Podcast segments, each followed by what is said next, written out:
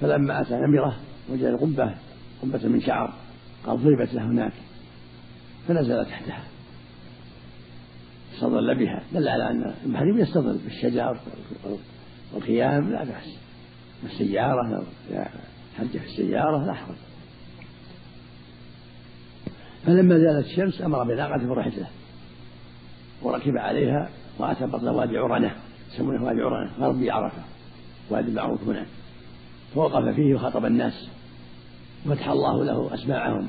سمعوا خطبته عليه الصلاة والسلام. وذكر فيها شيئا كثيرا عليه الصلاة والسلام. لأن مجموع عظيم. ذكر فيها أن أمر الجاهلية موضوعة وأن ربا الجاهلية موضوعة وأن ربا الجاهلية موضوع. وذكر فيها ما يجب على الرجل لزوجته وأن ليس على أزواجهن. رزقهن وكسوتهن بالمعروف وعلى الزوجة أيضا طاعة زوجها بالمعروف وأن لا بيته إلا المعروف. ولا تدخل بيتها إلا من يرضى. وذكر أيضا من من كان له من من لم يجد إزارا لبس السراويل ومن لم يجد نعلين فليبس خفين. وأوصى بالقرآن العظيم قال إنكم وقال إني تارك فيكم ما لن تضلوا إن أصلتم كتاب الله.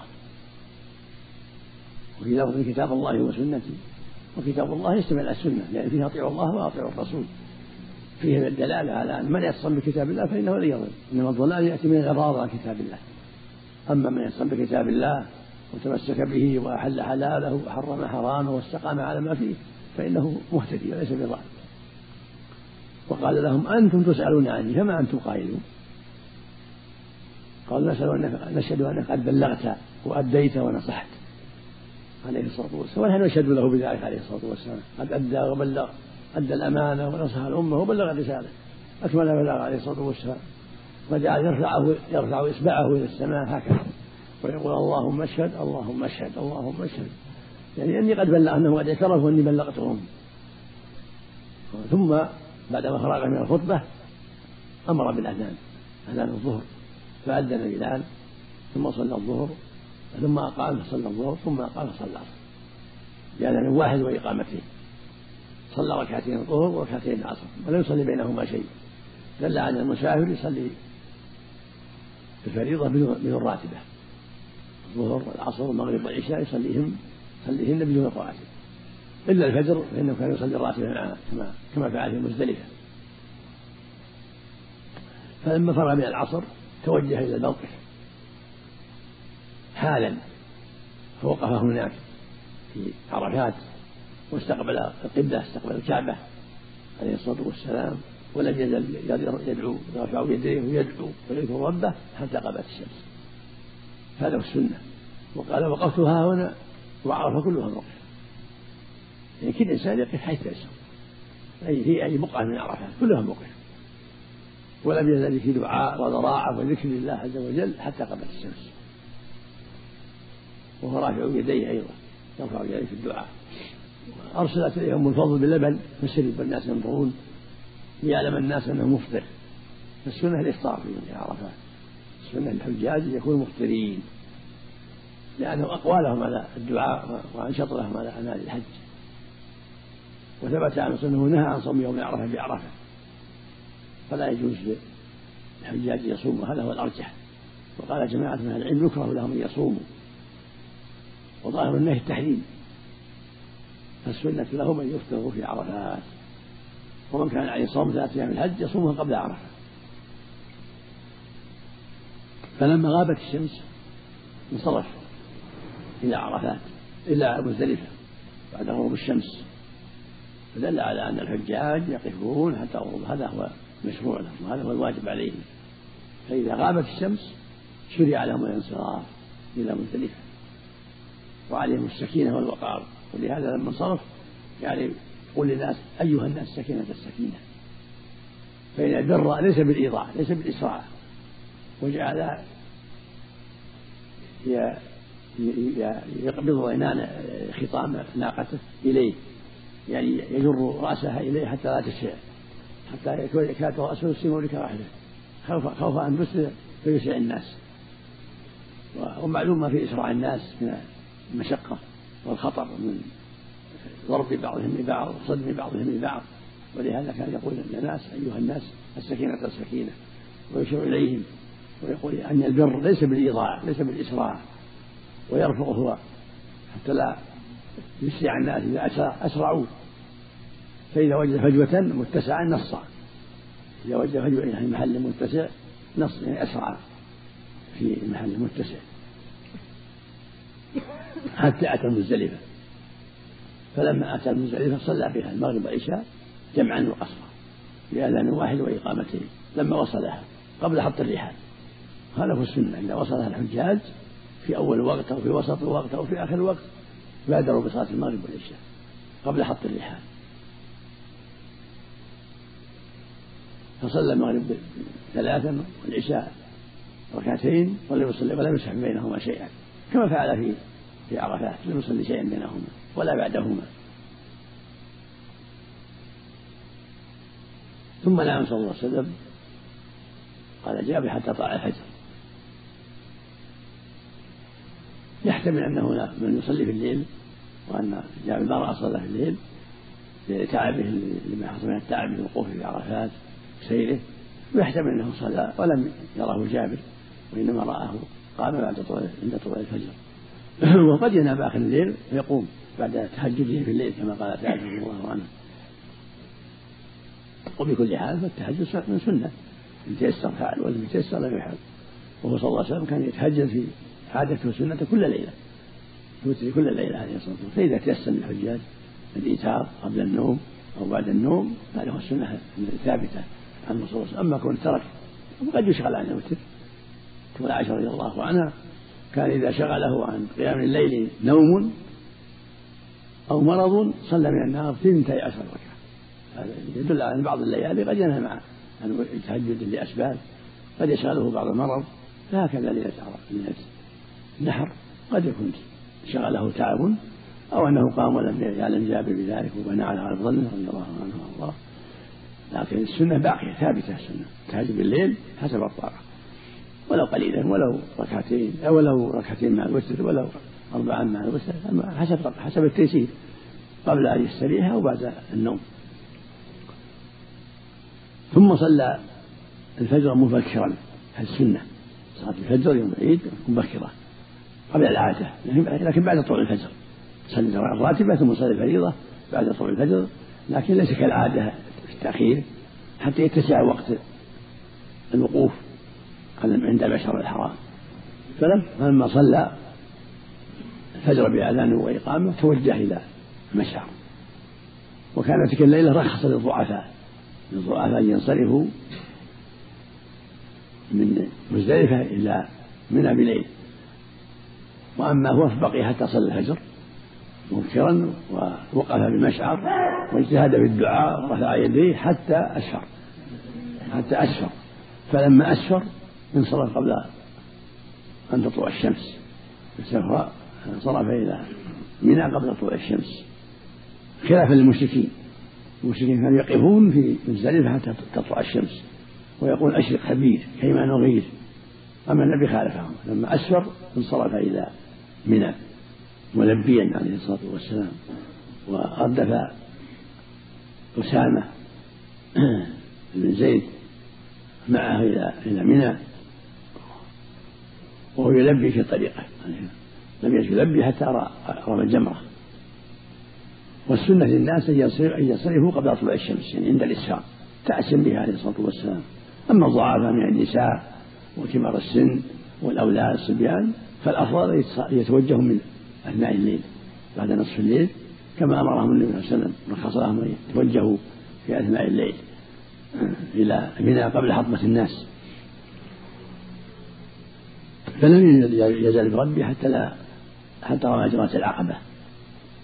رماها بسبع حصيات من بطن الوادي جعل البيت عن يساره الكعبة ومنى عن يمينه ورماها عليه الصلاة والسلام. يعني جعل البيت عن يساره وجعل من عن يمينه من جهة الجنوب واستقبل الشمال يرميها بسبع حصيات هكذا عليه الصلاة والسلام. ثم لما رماها بسبع حصيات يكبر مع كل مع كل حصاة انصرف وخطب الناس وذكر الناس بين الجمرات وسألوه عن مسائل كثيرة في أيام تتعلق بالحج. فهذا يقول حلق قبل أن أذبح وهذا يقول أفض قبل أن نرمي وهذا يقول نحرس قبل أن نرمي فيقول فيقول لهم لا حرج لا حرج ما سئل يومئذ يعني يوم النحر أن قدم ولا أخر إلا قال فلا تحرج. وهذا من تيسير الله جل وعلا ورحمته لأنها أعمال مهمة والإنسان يغلط أو ينسى فمن رحمة الله أن وسع فيها. فالسنة أن يرمي ثم ينحر ثم يحلق أو يقصر ثم يطلق هذا الترتيب. اللي فعله النبي صلى الله عليه وسلم. يرمي من الجمرة ثم ينحر الهدي إن كان عنده هدي ثم يحلق رأسه أو يقصر والحلق أفضل ثم يطوف يذهب مكة للطواف هذا الترتيب المشروع. لكن لو قدم بعضها على بعض فلا بأس. لو نحر قبل أن يرمي أو طاف قبل أن يرمي أو حلق قبل أن يرمي فلا حرج. سأله قال يا رسول أفضت قبل أن أرمي؟ قال لا حرج. قال آخر نحرت قبل أن أرمي؟ قال لا حرج. قال آخر حلقت قبل أن أذبح؟ قال لا حرج. فدل ذلك على التوسعة في ذلك والحمد لله. لأنه صلى الله عليه وسلم لم يعنف على أحد منهم قال لا حرج لا حرج عليه الصلاة والسلام. فدل على أن ترتيبه للأفضلية كونه رمى ثم نحر ثم حلق ثم طيبته عائشة ثم طاف كل هذا للأفضلية وأن هذا هو الأفضل. والأفضل أن بعد الرمي يتحلل إذا حلق أو قصر. لأن عائشة طيبته بعدما رمى وحلق ونحر طيبته وتوجه إلى مكة عليه الصلاة والسلام. وذهب قوم إلى أن إذا رمى حلت حل الأول ودلت على هذا بعض الأحاديث فلا حرج في ذلك لكن الأفضل والحيطة أن يصبر حتى يحلق أو يقصر ثم يحل التحل الأول. وهو لبس المخيط تطيب. هذا التحل الأول. يبقى عليه النساء تحريم النساء. يعني جماع. فإذا فعل هذه المذكورات الرمي والحلقة والتقصير يتطيب ويذهب إلى مكة. هذا أفضل إذا تيسر يأخذ يذهب إلى مكة ليطوف طواف الإفاضة ويسعى إن كان عليه سعي كما فعله النبي صلى الله عليه وسلم. فإنه طافها بين مكة وصلى بها الظهر عليه الصلاة والسلام. ثم رجع إلى منى وصلى الظهر بالناس الباقين الذين ما صلوا صلى بهم الظهر. فكانت الأولى له فريضة والثانية له نافلة عليه الصلاة والسلام.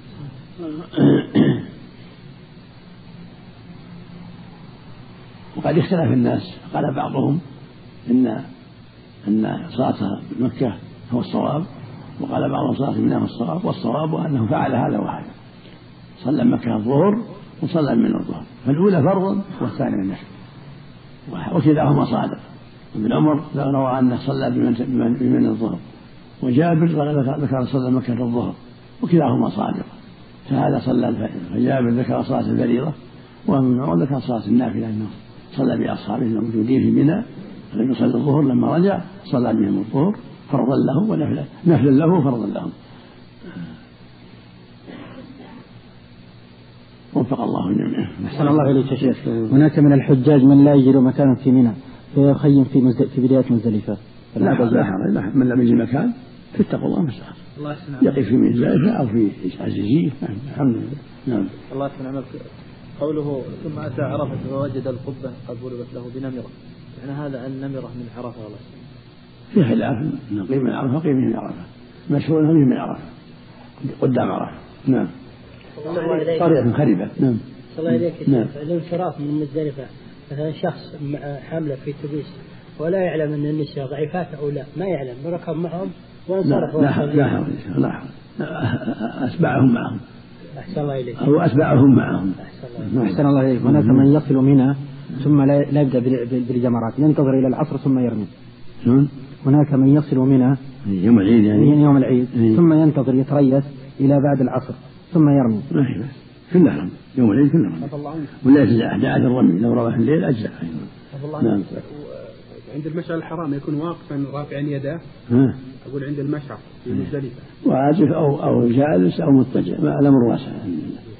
وهكذا في عرفات. لو جلس في عرفات مضطجع حتى غابت الشمس ما لا بأس عليه. أو جلس أو وقف أو على السيارة أو في الأرض الحمد لله. رفع يداه الله يحفظه أفضل يرفع عند الدعاء أفضل. يحطها تارة ويرفعها تارة حتى يستريح. الله عليك. الأذكار اللي بعد الصلاة يقولها بعد الجمع. نعم. إذا جمع الصلاتين الأذكار اللي بعد الصلاة يقولها بعد الأخيرة؟ بعد الأخيرة من اكتفى ب وإن قال بعضها؟ بعد الأولى. إذا صار تأخرت الإقامة يأتي به بعد الأولى. أحسن الله إليك من اكتفى بالتقصير بشعرات أربع لا وخمس الصواب أنه لابد من تعميم الرأس. في قول بعض الفقهاء أنه يكفي القليل وبعضهم قال الربع ولكن الصواب أنه يعمم مثل ما عمم النبي صلى الله عليه وسلم. هناك من يؤخر طواف الإفاضة؟ إلى طواف الوداع يجزي لو أخر طواف الإفاضة وطاف عند الخروج أجزى أجزى عن الوداع. الأول. ويحصل برمي جمرة العقبة. يحصل الجمع والفوق والمطر نعم لكن الأفضل والأحوط أن يضيف إليه الحلقة والتقصير حتى يتحلل عند الجميع حتى لا يكون شبهة. نعم. لأن في حديث عائشة إذا رميتم وحلقتم قال حللكم الطيب وكل شيء لسان كما يأتي إن شاء الله. في ذلك. لكن فيه ضعف لكنه السند فيه ضعف نعم. الله نعم. لو جمع في الحضر بين المغرب والعشاء فهل تسقط سنة المغرب؟ لا يصليها بعد المغرب. يصليها بعد العشاء. يصلي سنة المغرب ثم سنة العشاء لأن وقت واسع. ما تكون سقطت عفى الله عنك؟ لا ما تسقط. لا وقت واسع الحمد بخلاف السفر. السفر ما في راتب. نعم. مزدلفة ما يصليها. نعم. لأنه ما صلاها لا العصر لا. لأنها وقت نهي العصر. جمع في الظهر إذا صار في مطر. وقت وقت نهي ما يصليها بعد العصر ما نقول يعني فات وقتها؟ فات وقت لأن وقت العصر نهي بعد الصلاة العصر وقت نهي. أحسن الله إليكم يا شيخ. من لم يجد النعلين يلزمه أن يقطع أسفل الخفين؟ نعم. من لم يجد النعلين يلزمه أن يقطع أن يقطع أسفل الخفين؟ النبي صلى الله عليه وسلم لم يذكر ذلك في ما فهمت كلام من لم يجد النعلين هل يلزمه أن يقطع أسفل الخفين مع ما الله الصحيح ما الصحيح ما يلزم. يلبس الخفين بدون قطع. هذا الصحيح. لأن الرسول ما أمرهم بقطع عرفات لما خطبهم. هذا كان في المدينة قبل السفر قبل الحج. الله والأخير يقضي على الأول. يؤخذ بالآخر فالآخر نعم. أحسن الله إليك. نعم. ينسخ. نعم. أحسن الله إليك. هناك من يذهب إلى عرفة في الليل فيبيت بها. لا حرج لكن الأفضل يكون بعد طلوع الشمس. مثل ما فعل النبي صلى الله عليه وسلم. ومن ذهب في الليل أو في يوم الثامن لها أو في السابع ويعد هناك لا بأس. لكن خلاف خلاف خلاف السنة. هل الرسول صلى الله عليه وسلم في آخر شوط من طوافه كبر عفى الله عنك؟ نعم. كل ما حال هذا كبر. الشوط الأخير والشوط الأول والشوط والاشواط بينها. يختم بالتكبير ويبدا بالتكبير؟ حبل المسد بين يديه طريق المشاة يعني قدامه يعني جبل عن يمينه قليل وهو مستقبل القبلة عليه الصلاة والسلام. إذا انتهى عند المروة في آخر شوط. يدعو ويكبر ويذكر الأذكار. نعم. إذا انتهى في السعي عند المروة. يذكر الأذكار المشروعة مثل الطواف حتى في آخرها يا يجي. اخر اول لا. يقوم بعضهم يرد بالأول لا غلطة غلطة. النبي صلى الله عليه وسلم أتى وفعل المرة ما فعل الصفا جميع أحسن الله شيخ بالنسبة لأصحاب الحملات يعني يخرجون الناس قبل غروب يوم الله لا غلط لا ما يقطعون ما يقطعون أو ما يقطعون يعلمون ينهون. صلي في هذا الوادي المبارك. نص أن النبي إيش؟ إيش؟ صلي في هذا الوادي المبارك. نص. هل هذا صحيح؟ نعم. في ذي الحليفة عند الإحرام يعني. نعم. مم. هذا نص أن النبي صلى الله عليه وسلم حج قارنا. نعم. نص أن النبي صلى الله عليه وسلم حج قارنا. هو هو ثابت أن حج قارن. فيه عدة أحاديث صحيحة. أن حج قارن. ومن قال أن حج حج مفردا خفي عليه الأمر.